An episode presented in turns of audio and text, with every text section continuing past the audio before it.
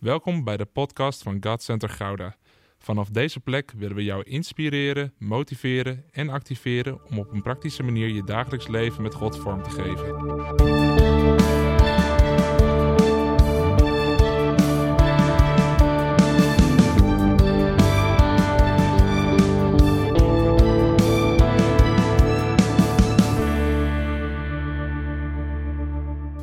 Meestal als ik een boodschap voorbereid, weet je, ik neem je even mee in hoe predikers dat doen. Je begint bij de kern, vanuit het woord van God. Je bouwt je hele kern en daarna ga je, als het ware een soort trailer, ga je, ga je bouwen. Dat heet het intro.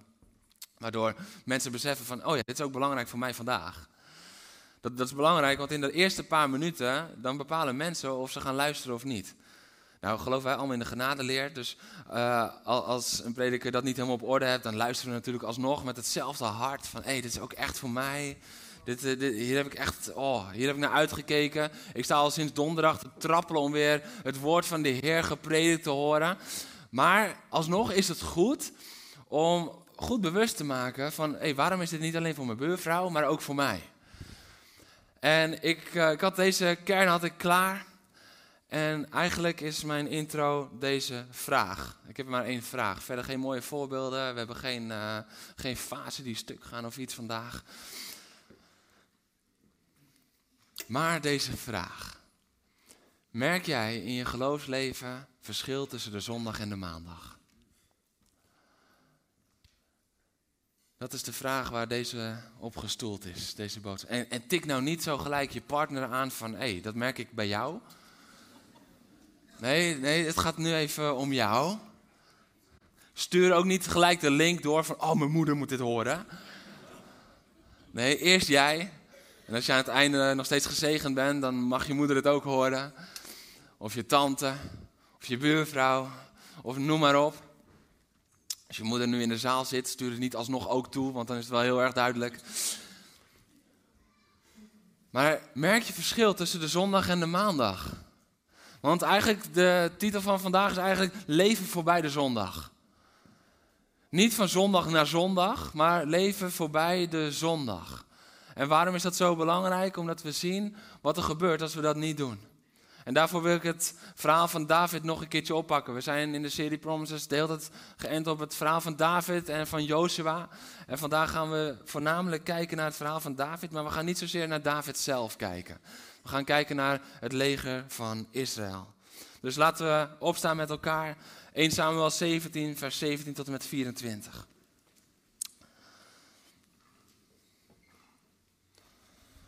Op een dag zei Isaïe tegen zijn zoon David: Hier heb je een zak geroosterd graan en tien broden. Breng die snel naar je broers in het legerkamp. En deze tien kaarsen moet je aan hun bevelhebber geven. Vraag je broers hoe het met ze gaat en neem een levensteken van hen mee terug. Saul was met de soldaten van, de, van Israël, onder wie Davids broers dus, nog steeds gelegerd in de Terebint-vallei tegenover de Filistijnen. De volgende ochtend vroeg ging David met het proviant op weg, zoals Isaïe hem had opgedragen. Zijn kudde liet hij achter onder de hoede van iemand anders. Hij kwam juist bij het wagenkamp aan toen het leger onder het aanheffen van strijdkreten de linies betrok. De Israëlieten en de Filistijnen stelden zich in slagorde tegen elkaar op. David gaf zijn spullen af aan de fourier en haastte zich naar de gevechtslinie. Daar vond hij zijn broers en hij vroeg hoe het met ze ging. Terwijl hij met ze aan het praten was, trad er uit de Filistijnse gelederen een kampvechter naar voren, Goliath uit gat. En David hoorde hem de Israëlieten uitdagen zoals hij dat elke dag deed. Twee keer overigens. Bij het zien van Goliath renden de Israëlieten angstig weg. Tot zover.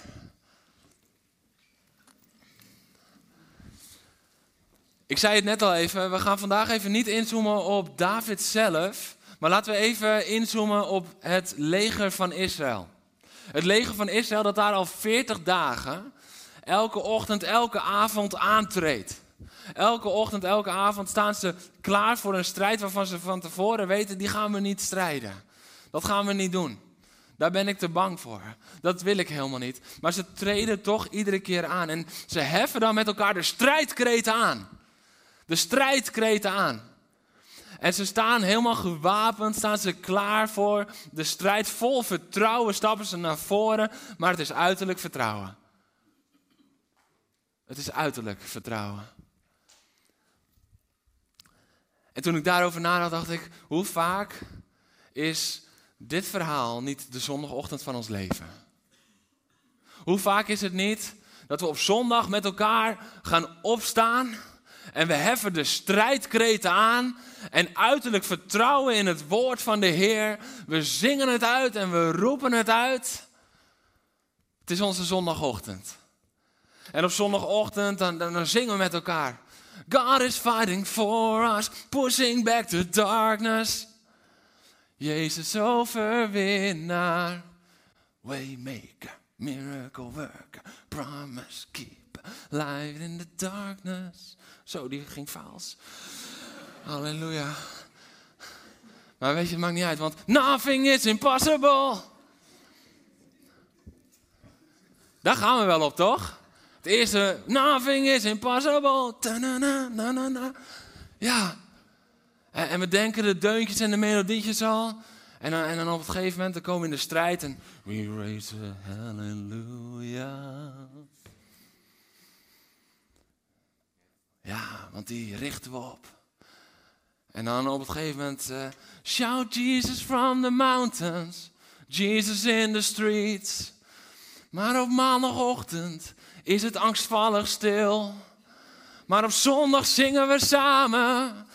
Oh, prijs de naam van Jezus. En de strijdkreten heffen we aan met elkaar op zondag. Maar wat is het verschil tussen jouw zondag en jouw maandag? Wat is het verschil tussen uh, dat mooie moment daar op die bergtop. Want we zijn bij elkaar en oh, halleluja. En ik ben niet alleen, maar we doen het samen met elkaar. En we staan op en, en we zingen het uit en we schreeuwen het uit. Maar wat is dan het verschil met die maandag? Dat dat niet lukt. Dat we niet snappen hoe dat kan. Het is al, ik denk, acht jaar geleden. Dat ik een keertje tijdens de aanbidding een beeld van God kreeg. En hij nam me mee in, in een beeld. En we waren aan het uitzingen, uitschreeuwen over de grootheid van God. En hij nam me mee naar een grote bergtop. En ik stond daar en hij zei: Maak me groot, maak me groot. Dus ik begon hem groot te maken met luide stem. En ik zei: Heer, wat, wat wilt u me leren? Wat wilt u? En hij zei: Daal met me af. Dus ik daalde met hem af. En ik liep het dal in. En beneden in het dal hoorde ik nog de echo van wat ik had gezongen op de bergtop. Dit is waarom zondag zo belangrijk is. Dit is waarom we samen aanbiddend zo belangrijk zijn. Dit is waarom die strijdkreten zo belangrijk zijn. Want als je het op de bergtop hebt gezongen toen je het kon, als het dan in het dal moeilijk wordt en lastig wordt, dan hoor je nog de echo van de waarheid. We hebben de echo van de waarheid hebben we door de week nodig, hebben we op maandagochtend nodig. Die echo is zo belangrijk, omdat we zingen op zondag, God is fighting for us. En op maandag strijden we onze eigen strijd. Maar het is zo belangrijk dat we gaan zien, nee, ook op maandag horen we dan die echo nog. Die echo van, oh, hij is nog steeds voor ons aan het strijden. Als je in de verleiding komt om je eigen strijd te gaan strijden, dat je hoort van, nee, wacht even, wacht even. Ik moet wel het dal in, maar ik hoef niet de strijd zelf te strijden. Dat was het beeld dat God me gaf, jaren geleden. Want we hebben dalen in ons leven en dat is de plek waar de strijd plaatsvindt. Maar niet de plek waar we onze eigen strijd moeten strijden om te kunnen overwinnen. Het is de plek waar we de overwinning op de strijd moeten innen die Jezus al heeft behaald. Maar als we op de bergtop angstvallig blijven staan en het dal niet in durven lopen, dan zullen we uiteindelijk de buit nooit binnenhalen. Want de buit ligt altijd in het dal. De buit ligt in het dal. Goliath stond in het dal. David moest het dal in om de buit binnen te gaan halen die God al had beloofd. Jezus ging voor hem uit als, als steen, als rots.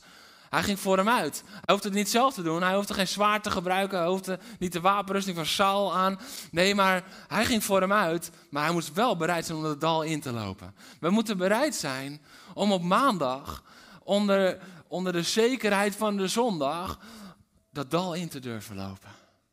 Weet je, misschien word je nu al helemaal aangevuurd vandaag van, oh, ik moet echt gaan voor het herstel in die relatie. Die vader of moeder of kind of oom of tante en het, het is iedere keer in onmin. En je voelt nu van, oké, ik moet gaan. En op maandag doe je het niet meer. Omdat je de echo van de waarheid niet meer toelaat, maar denkt van, weet je wat, ik ga dat dal niet in. Want wij associëren het dal altijd met moeilijk en zwaar en problemen. Maar wat als je grootste zegening in het dal klaar ligt? Wat als Goliath in het dal klaar staat? Niet omdat dat dan moeilijk is en pijnlijk is en dat dan een heftige strijd waar je niet zonder kleerscheuren vanaf komt. Maar wat als getuigenis van wat Jezus heeft gedaan in jouw leven? Dat is de enige reden dat Goliath daar stond. Als getuigenis voor David. Als we Goliath nou eens zo gaan benaderen. Als we de, de reuzen in ons eigen leven, waar we tegenaan hikken, waar we tegenop kijken, waar we angstig voor zijn. Als we die nou eens zo gaan benaderen. Van, oh, die is groot. Wow, dit wordt een getuigenis. Halleluja. Wat als we het een keertje zo gaan zien? Dan durf je op maandag durf je dat dal in te gaan omdat je weet van, oh, op maandag heb ik ook mijn getuigenis nodig. Ik leef voorbij de zondag. Te veel christenen, te veel discipelen van Jezus leven van zondag naar zondag. Dat is nooit de bedoeling geweest. Dat is nooit de bedoeling geweest. We horen te leven vanuit de zondag in maandag, dinsdag, woensdag, donderdag, vrijdag, zaterdag. Zodat je de volgende zondag met het hoofd van Goliath terugkomt je kijken wat Jezus heeft gedaan in mijn leven afgelopen week. Een getuigenis bijdragend. Een getuigenis bijdragend. Maar we moeten daarom ook in die aanbidding volledig met elkaar gaan.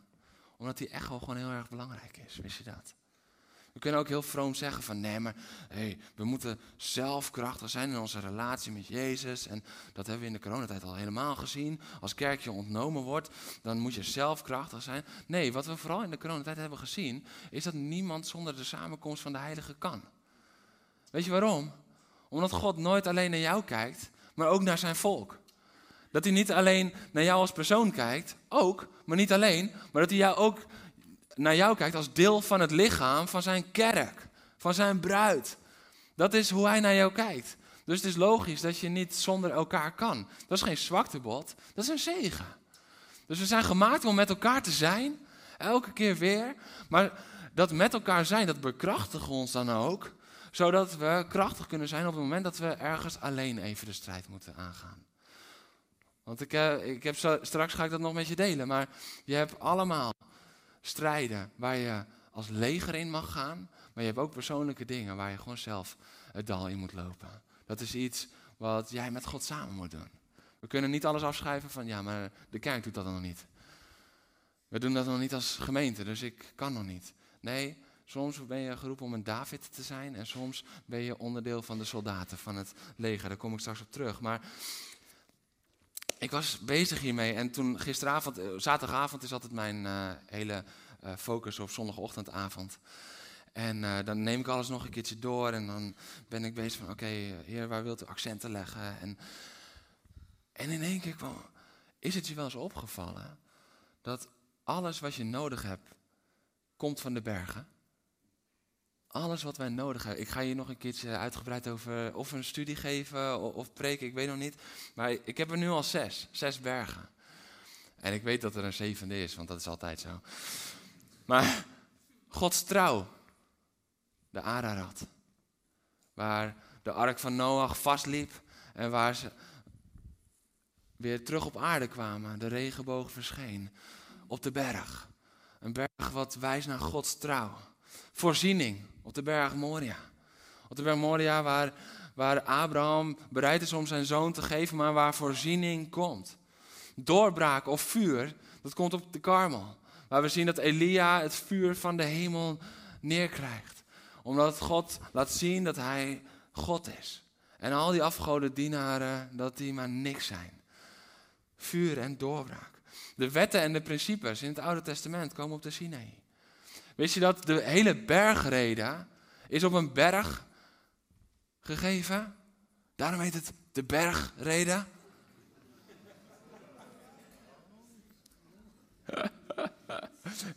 het is zo obvious.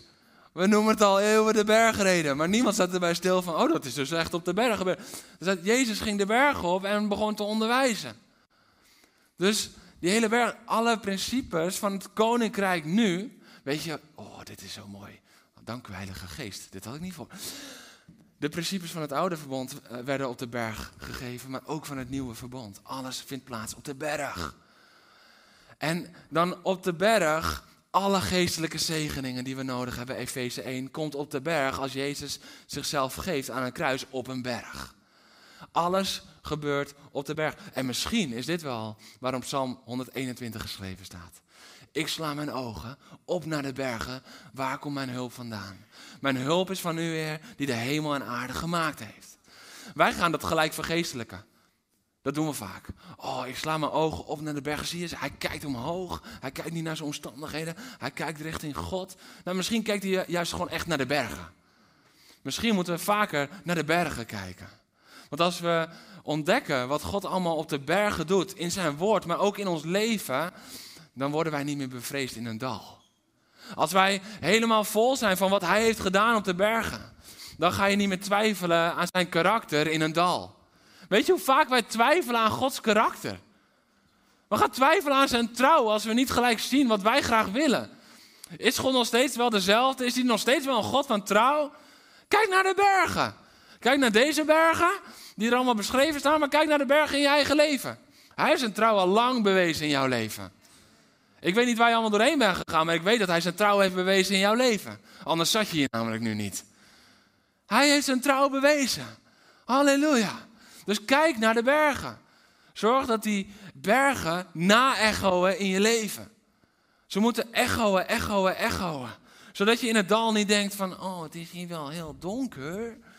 Maar dat je denkt van, oh, het is hier zo donker. Wat heerlijk dat het licht hier zo, zo openbaar gaat worden. Want hij is trouw, hij is met mij. En hij faalt niet, hij sluimert niet, hij slaapt niet. Hij is nog steeds dezelfde.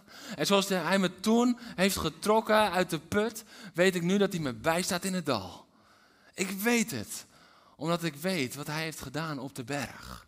Op de berg in zijn woord, op de berg in mijn leven.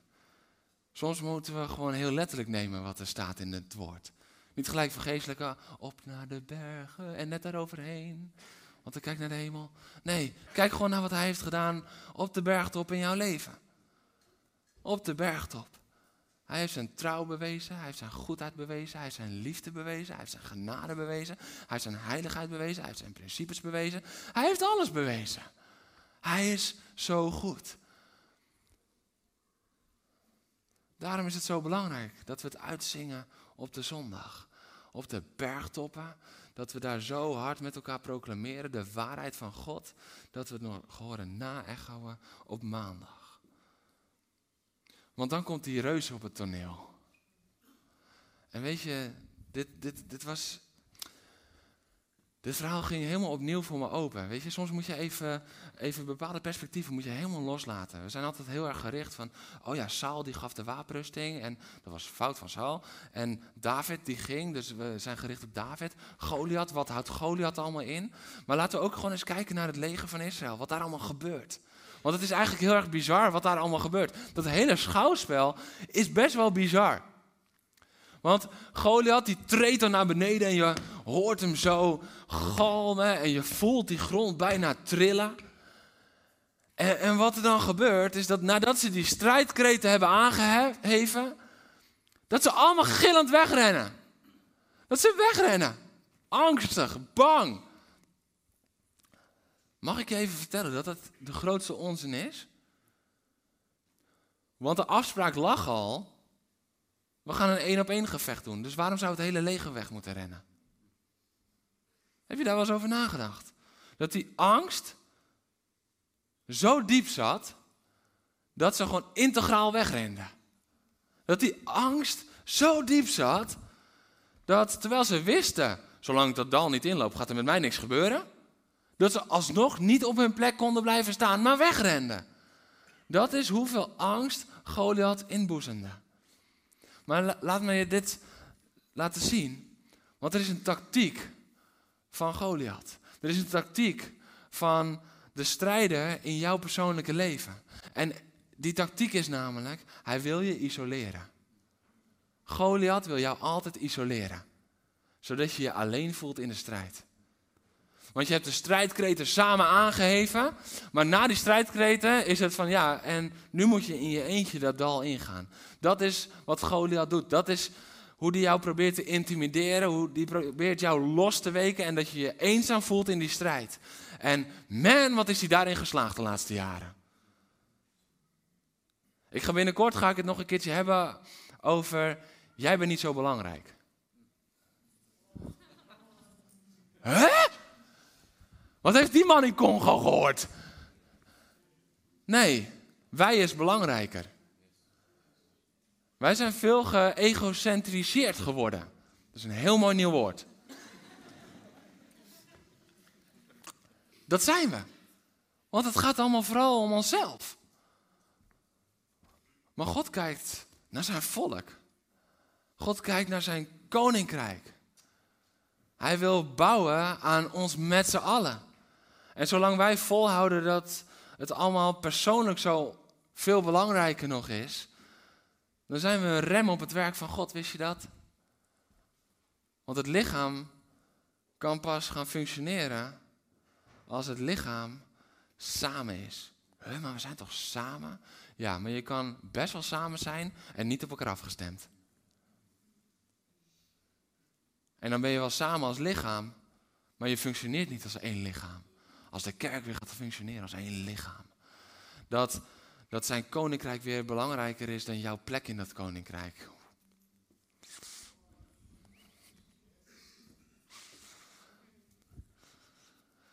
Gezellig hè jongens? Ja. Jullie zijn nog stiller als de Congolezen tijdens die vermanende boodschap. Ja. Ja. Ik had ze ook gezegd. Ik zei van ja, ik had hier ook uit Europa kunnen komen en dan uh, over de kracht van God kunnen spreken. En dan, dan hadden jullie allemaal hadden jullie ergens hier ook geëindigd. Ja! Want dat vinden we tof. Maar wat als het woord van God even rechtgezet moet worden? Zijn we nog net zo enthousiast over God dan? Zijn we net zo enthousiast over God als hij zegt van hé, hey, maar het gaat om het geheel en daarin ben jij zeker belangrijk. Weet je, trek het niet uit context. Voor je het weet staan we op zee vandaag. Jij bent niet belangrijk. Quote Jeroen Dorstein. Gouda, wat is dat voor... Ja, alles, alles is eruit te trekken hoor. Ja, is niet zo moeilijk. Maar even, zie het in context. Tuurlijk ben jij belangrijk. Maar wat als het gaat om het koninkrijk? Wat als het gaat om een groter geheel? En wat als jij niet zozeer minder belangrijk moet worden, want voor, voor God word jij niet minder belangrijk. Maar wat als je jezelf wat minder belangrijk moet gaan vinden? Kijk, voor God verandert het niet. Hij heeft het wel op orde hoor. Hij heeft wel op orde hoe belangrijk hij het koninkrijk vindt, de kerk en jou als persoon. Dat heeft hij perfect in orde. Hij laat jou echt niet vallen. Maar misschien moeten we even in ons eigen hart wat onderzoek gaan toepassen. Want wat is de reden dat ik jaloers ben als iemand anders wel iets mag en ik niet? In plaats van dat ik het vier. Oh, wauw Heer, heeft een gave vrijgezet in zijn of haar leven. Wat is de reden dat ik het pijnlijk vind als iemand anders gevraagd wordt en ik niet? En ik voel me volledig vrijmoedig om daarover te spreken met jullie. Want God heeft me in de afgelopen jaren meerdere malen gecorrigeerd daarin om me klaar te maken om voorganger te kunnen zijn. Want als je daar niet mee deelt voordat je voorganger bent, dan ga je de gemeente heel veel pijn doen.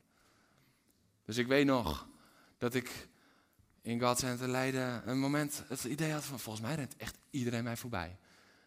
En ik wil echt best wel graag. En dat ik echt terug naar God moest aan zijn voeten. Huilend. Heer, strip hem van mijn ego. Want eigenlijk vind ik dat ik geschikter ben. Maar wat is dat fout om te vinden en te denken? Jij bent niet zo belangrijk. Ik ben benieuwd hoeveel mensen op die titel afkomen. Halleluja. Waar waren we? Ze renden weg. Maar ik noem dat een beetje die maandagvlucht. Want weet je, Goliath die probeert je gewoon te isoleren. De duivel wil je altijd proberen te isoleren. Van ja, hef je strijdkreten maar aan. Maar weet je, Weet je dat de duivel daar niet zo mee zit? Als je daarna gewoon wegrent. Oh, weet je dat de worship de duivel helemaal niet zoveel doet? Als maandag niet de realiteit is van onze worship. Dan denkt hij, oh, gaan we lekker zingen jongens. Ik spreek je morgen. Ik denk dat hij zich soms gewoon helemaal even de blubbers lacht. Van, ja, God is fighting for us. Ja, morgen heb ik je huilend, vriend. Tenzij je de zondag op de maandag gaat leven ook. En op de dinsdag. En op de woensdag. Maar dit is vaak de realiteit. En dit is vaak waar we zo mee worstelen. Waarom is ons leven op maandag zo anders dan op zondag? En dan heb ik het niet dat de eredivisie op zondag is. Maar dat ons geloof op zondag anders is dan op maandag. Ons vertrouwen anders is. Ken je het dat Goliath je weghoudt bij ontwikkeling of groei of overwinning? Die slechte relatie of vriendschap die je steeds naar beneden haalt, maar die je iedere keer op zondag in de worship denkt van, zie je wel, dat giftige, dat moet weg uit mijn leven. Halleluja, ik ben, I am a child of God. En dat je maandag weer valt voor die relatie met diegene en dat je hoort, je bent waardeloos. En dat je leeft naar de leugen en niet naar de echo van de zondag. Of die uitdaging waar je al maanden mee loopt. Waar je denkt dat je het niet kan. Omdat je maandag, dinsdag, woensdag, donderdag, vrijdag, zaterdag laat intimideren. Of zondag hoor je, hé, hey, jij kan dingen. Want God leeft in jou. Dezelfde kracht, dezelfde geest die Jezus opwekt uit de dood, die leeft nu in jou. Jij kan dit. En op maandag denk je van ja, dat is wel waar. Maar weet je, als we zo met elkaar zijn en nu ben ik alleen. Goliath isoleert je. Weet je, het volk Israël liep ook vertraging op in de woestijn onder leiding van Mozes. Twaalf verspieders geïsoleerd gingen. Tien van die twaalf die luisteren en die kijken alleen maar naar wat slecht is. 40 jaar vertraging. Goliath staat te intimideren. 40 dagen vertraging. Het zorgt ervoor dat je vastloopt in je leven. Het zorgt ervoor dat je blijft staan in je leven. Maar het is dat stilstaan. Het is tijd om dat te doorbreken. Het is tijd om dat te doorbreken en te gaan leven elke dag van ons leven. Niet een beetje half. Niet alleen op de mooie momenten. Niet alleen als je een keertje een conferentieweekend hebt gehad. Niet alleen als je op opwekking bent geweest of op kamp bent geweest. En dat we daarna weer spreken over de after-opwekking dip of de after-kamp depressie of wat dan ook. Amen. Die weken zijn er alleen maar om jou te boosten voor de rest van de, van de weken. Die weken zijn niet om daar op de bergtop te vieren en dat je na zes maanden nog steeds terugkijkt van ja, dat was mijn enige bergtop het afgelopen half jaar. Nee. Weet je, ik heb dit met tieners heb ik gezegd na kamp, toen we nog tienerleiders waren. Ik zei, laat het niet zo zijn dat we over anderhalve maand nog steeds spreken over tienerkamp. Laten we nieuwe getuigenissen bouwen, nieuwe ervaringen bouwen. Laten we zorgen dat, dat we elke dag weer vernieuwd zijn daarin. Want als we helemaal terug moeten kijken, wat, wat, wat, wat is het probleem dan geweest de afgelopen tijd? Weet je, Jozua die hoefde de strijd niet zelf te strijden, ze hoeft alleen maar te juichen. Dat is een makkelijke strijd. David hoefde de strijd niet zelf te strijden, hij hoeft alleen te slingeren. Jij hoeft de strijd niet zelf te strijden, maar weet je wat je wel moet doen? Je moet wel het dal inlopen. Als je dat dal niet inloopt en je blijft een beetje angstvallig hangen op dat zondagsgevoel. Of je, je denkt van nee, nee, nee, ik moet door naar de volgende zondag. Als je dat doet en je gaat het dal niet in, dan zal je uiteindelijk zal je heel lang stil blijven staan. En iedere keer denken van hij staat er nog steeds. Die blokkade is er nog steeds. Ik kan het nog steeds niet. Maar jij bent gemaakt om dat dal in te lopen in vol vertrouwen. En sommige dingen moet je alleen doen en sommige dingen moet je samen doen. Ik had, afgelopen week had ik een mooi gesprek met een echtpaar en, uh, en die zeiden heel eerlijk, Jeroen, we vinden het soms lastig dat we zo vaak kijken naar die helden uit het Oude Testament. En ik zeg, waarom dan? Ja, weet je, niet iedereen is geroepen of bestemd echt als zo'n voorrenner. Niet iedereen, weet je, soms is het gewoon moeilijk om mij als een David te zien. Ik ben geen koning, ik heb geen grote plaats van invloed misschien. Of... En toen dacht ik, ja, dat, dat, dat snap ik wel. Dat snap ik wel. En het leuke was dat de boodschap eigenlijk al klaar was. En dat, dat God me al had voorbereid hierop. Want soms moeten we kijken naar David voor ons eigen leven. Maar soms moeten we ook kijken naar het leger dat daar stond. Van dat zijn wij met elkaar.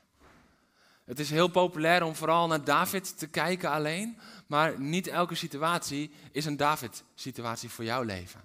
Laat me het je uitleggen. David staat voor de eigen strijd in je eigen leven. Die we allemaal hebben. Iedereen heeft persoonlijke uitdagingen, persoonlijke pijnen, persoonlijke reuzen, zoals we dat dan vaak noemen. Gewoon dingen die in de weg staan om door te groeien, om door te kunnen leven, om, om door te kunnen breken door iets heen. En bij de ene is dat een soort reus van depressie, voor de andere van burn-out, voor de andere van, uh, van armoede, van de andere. Het kan van alles zijn. Er zijn zoveel verschillende soorten reuzen mogelijk in ons leven. Van afwijzing, van pijn uit het verleden. Weet je, dat kan oprijzen tot een grote Goliath in je leven, pijn uit het verleden. En dat zijn de lessen die we moeten leren uit het leven van David.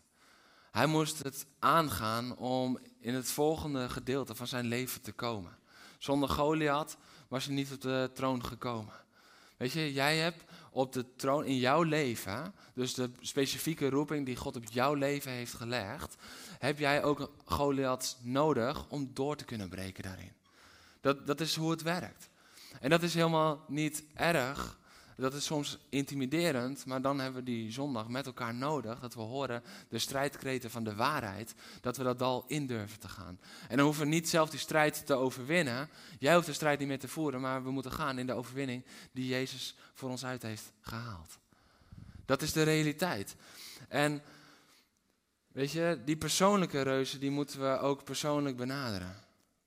Sommige dingen kunnen we niet met z'n allen doen, omdat het voor jou persoonlijk speelt en voor een ander niet. En dan is dus Goliath die je wil isoleren, zodat je het alleen gaat doen. En dan moet je hem face-to-face moet je hem aangaan.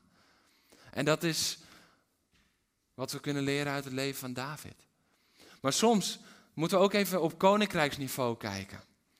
Want niet alles in het leven kunnen we naar onszelf toetrekken.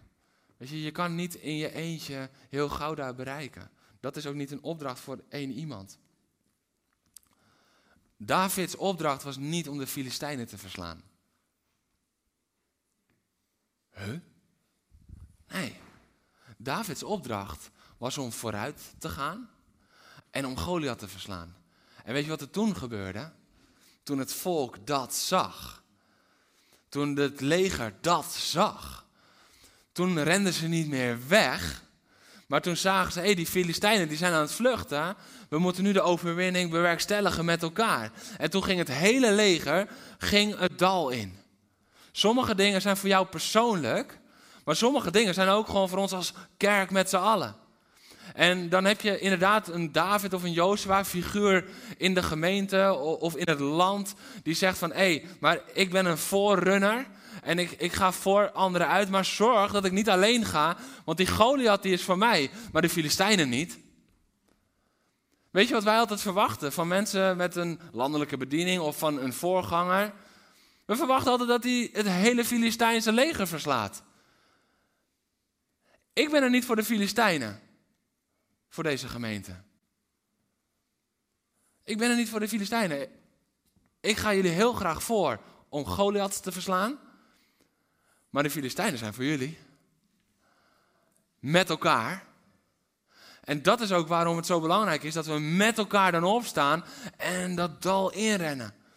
Dus weet je, als we bezig zijn met zaken. Kijk, laat, laat me een voorbeeld geven. We gaan vannacht tussen, 1, uh, tussen uh, 12 en 1 gaan we bidden tegen Halloween.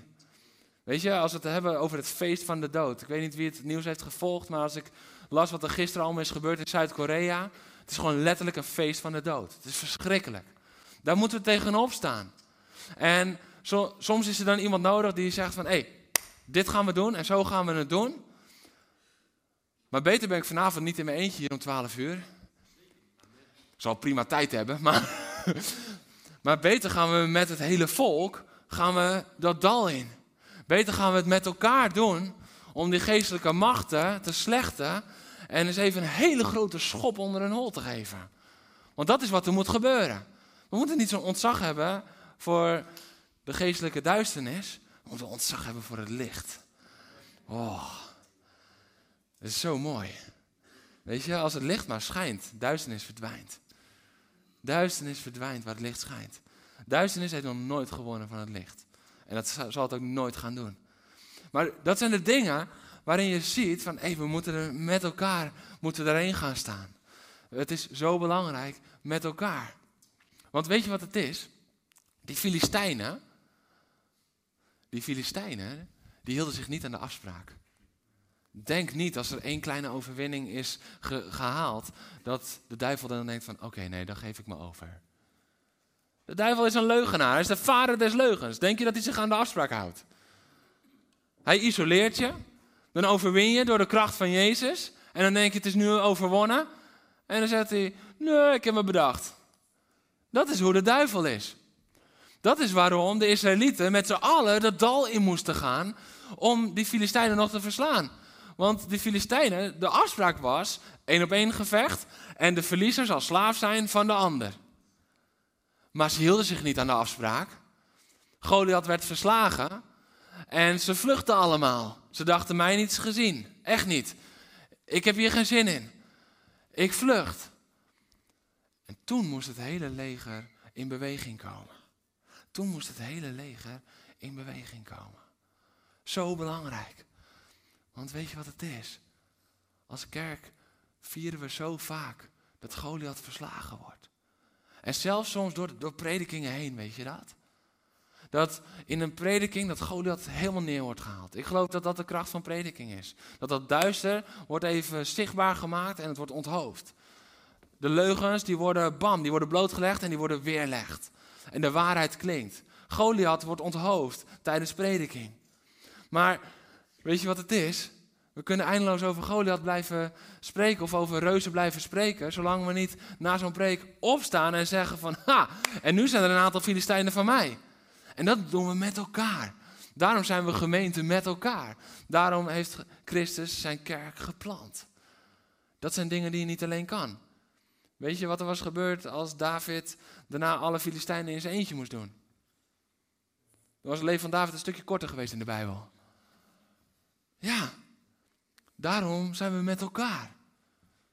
We zijn bestemd om met elkaar dat dal in te rennen.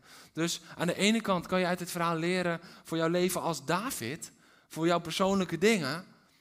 Maar je mag ook leren uit het verhaal van, hé, hey, ik ben als soldaat geroepen. En als soldaat ben ik misschien niet geroepen om die forerunner te zijn, om als eerste te gaan. Maar dat als er zo iemand opstaat in de gemeente, in de kerk, in Gouda of in Nederland, oh, dan sta ik te trappelen, want zodra die eerste overwinning is binnengehaald, dan gaan we die Filistijnen gaan we achterna. Stel dat dat niet was gebeurd. Had de volgende ochtend had de volgende reus klaargestaan. Ik denk niet dat Goliath helemaal de enige was die groot was en die getraind was. Had de volgende er gewoon weer gestaan. Klinkt het niet als van zondag naar zondag leven? Dat het soms gewoon zo is van, oh halleluja, we hebben deze zondag we hebben verslagen, halleluja. En we gaan zondag gaan we zo de dienst uit, halleluja. En op de volgende zondag staan we weer zo te kijken van, wow, weer een reus. Ik dacht dat ik er vanaf was. Oké, Schaamte. Laten we het even toepasbaar maken. Schaamte. De ene zondag zijn we er helemaal vrij van. Als we er 40 minuten, 50 minuten over hebben gepredikt en dan de juiste muziek daarna inzetten, dan zijn we er vrij van. De volgende zondag is het gewoon weer.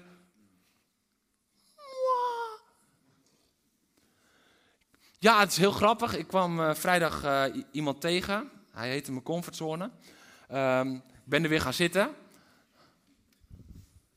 En Schaamte heeft gewoon bam, weer een stempel op je gekregen. Je?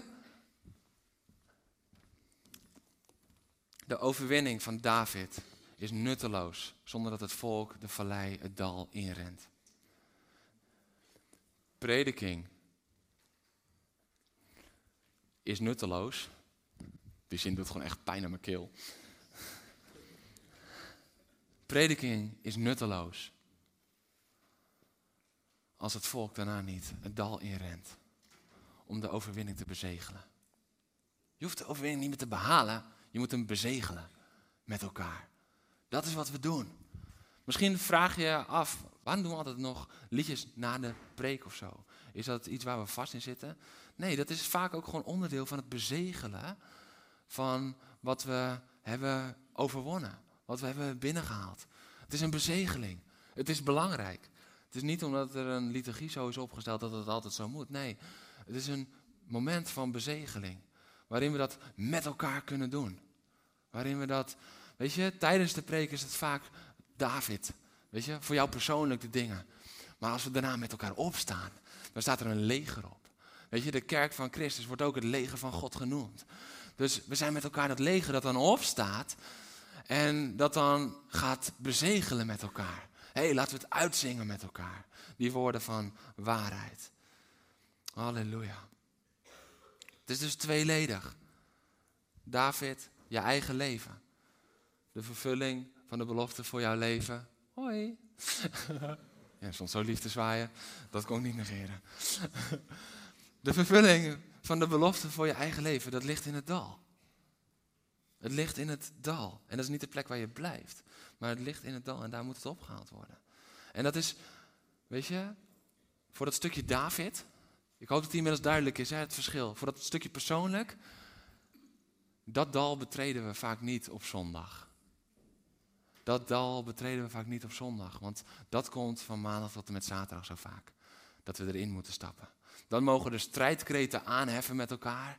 Zodat die echo naklinkt. Ook nog op maandag als je dat dal inloopt. Ook nog op dinsdag als je dat dal inloopt. Tegelijkertijd is er ook een moment dat we wel met elkaar het dal in moeten rennen. En dat is als soldaat. Dat is als soldaat. Dat als we zeggen van hey, het is belangrijk om tegen die duisternis te bidden. Dat we met elkaar opstaan, opreizen. En dat je dan niet denkt van, ja, dat is voor twaalf voorbeders in de gemeente die een specifieke roeping hebben voor voorbeders. Nee, dat is om die overwinning te bezegelen, volkbreed. Met z'n allen. Met z'n allen is het tijd om dat te gaan innen, te bezegelen. Jezus is voor ons uitgegaan, hij heeft het al gedaan. Maar we moeten wel dat dal ingaan. Want het is tijd om op te staan met elkaar daarin. Als we dat niet doen en we blijven gewoon een beetje zitten van, oké, nou, was weer een uh, mooie boodschap. En uh, smiddags ben je weer met van alles bezig. En maandagochtend vraagt hij, heb je nog wat gedaan? Ja, ik ging naar de kerk. Oh, oh leuk. Waar, waar ging het over? Uh, uh, ik heb hier de link. Dat is superleuk. Kijk hem na, was echt wat voor jou. Want ik ben zelf vergeten waar het over ging. Maar het is tijd om terug te grijpen wat de duivel heeft geroofd. Het is tijd om het terug te grijpen. En dat is niet dat we moeten gaan strijden, maar we moeten de gestreden strijd bezegelen. Weet je? Hm. Zoals David voor het volk uitging. En het volk daarna de buit mocht binnenhalen. Jezus is voor ons uitgegaan. Wist je dat? Hij is van de berg, is hij zo het dal, het dodenrijk ingegaan. En hij heeft de duivel overwonnen. Hij heeft hem overwonnen en er is geen strijd meer. Maar we moeten het nog bezegelen. We moeten die buit nog binnenhalen. Weet je, dan moeten we wel bereid zijn om af te dalen naar zijn kamp.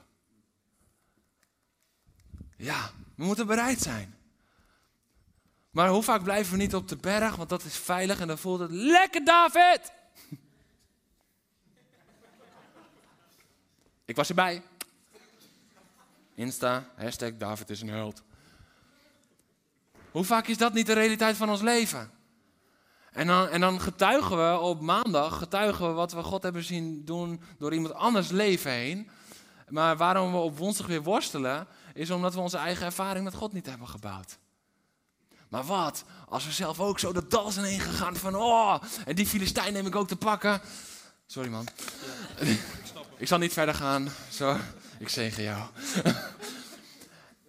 en dan ben je onderdeel geworden van wat er is gebeurd. Je bent onderdeel geworden van het innen van de overwinning van Jezus. Je bent er een onderdeel van geworden. Weet je, er is zo'n heel leuk kinderliedje. I went to the enemy's camp and I I took back I took back ik hoor drie vrouwen en verder niemand. I went to the enemy's camp and I. He's under my, he's under my feet. He's under my feet. He's under my feet. Oké, let op. Dit is vaak wat we doen. We zingen het vanaf de bergtop. Want we gaan dat hele dal gaan we niet in. We gaan helemaal niet naar zijn legerkamp, want dat vinden we spannend of eng. Maar we denken, lekker David, I went to the enemy's camp. It was David, but I sing I.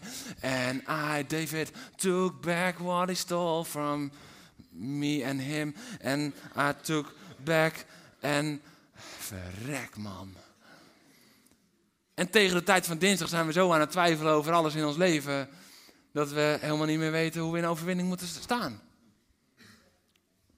Maar het is tijd om dat dal in te gaan. En te zeggen, het is over, duivel. Want ik pak terug wat je van mij had gestolen. Ik hoef jou niet meer te verslaan. Ik heb niet de illusie dat ik de duivel kan verslaan. Het enige wat ik hoef te doen, is terug te halen wat Jezus voor mij al heeft overwonnen. Dat is wat er gebeurt. En dan komen we, maar dan doen we het met z'n allen. Want weet je wat net ongemakkelijk was? Dat ik moet zeggen dat er drie vrouwen zingen en verder niemand. En als je dan in je eentje naar dat kamp gaat, of met z'n drieën, en dan zijn er nog heel veel Filistijnen waar je even wat terug moet halen, dan kan het nog wel intimiderend zijn. Maar stel je nou voor dat iedereen in Gouda bijvoorbeeld, ik zeg puur hypothetisch, dat als we het nog een keertje gaan zingen, opstaat, heel spontaan, en dat we het met elkaar doen. Dat je erachter komt van, hé, hey, ik ben niet alleen, maar we doen het samen. Zou God dat bedoeld hebben met kerk zijn? Dat we niet alleen een beetje liedjes zingen naast elkaar, maar dat we heel bewust bezig zijn met elkaar. Want je kan heel erg naast elkaar zijn en heel erg van elkaar af, wist je dat? Beter gaan we het met elkaar doen. En dan gaat het lichaam van Christus echt functioneren zoals het behoort. Want dan heb je elkaars schouder, dan heb je elkaars rug, dan doe je het samen. Dan sta je samen op. En dan is het niet zo dat André opstaat en dat hij denkt, I went to the enemy's camp en het is best wel alleen hier. Ja, I feel lonely, I feel lonely. Dat krijg je dan. Maar wat als we het met elkaar doen?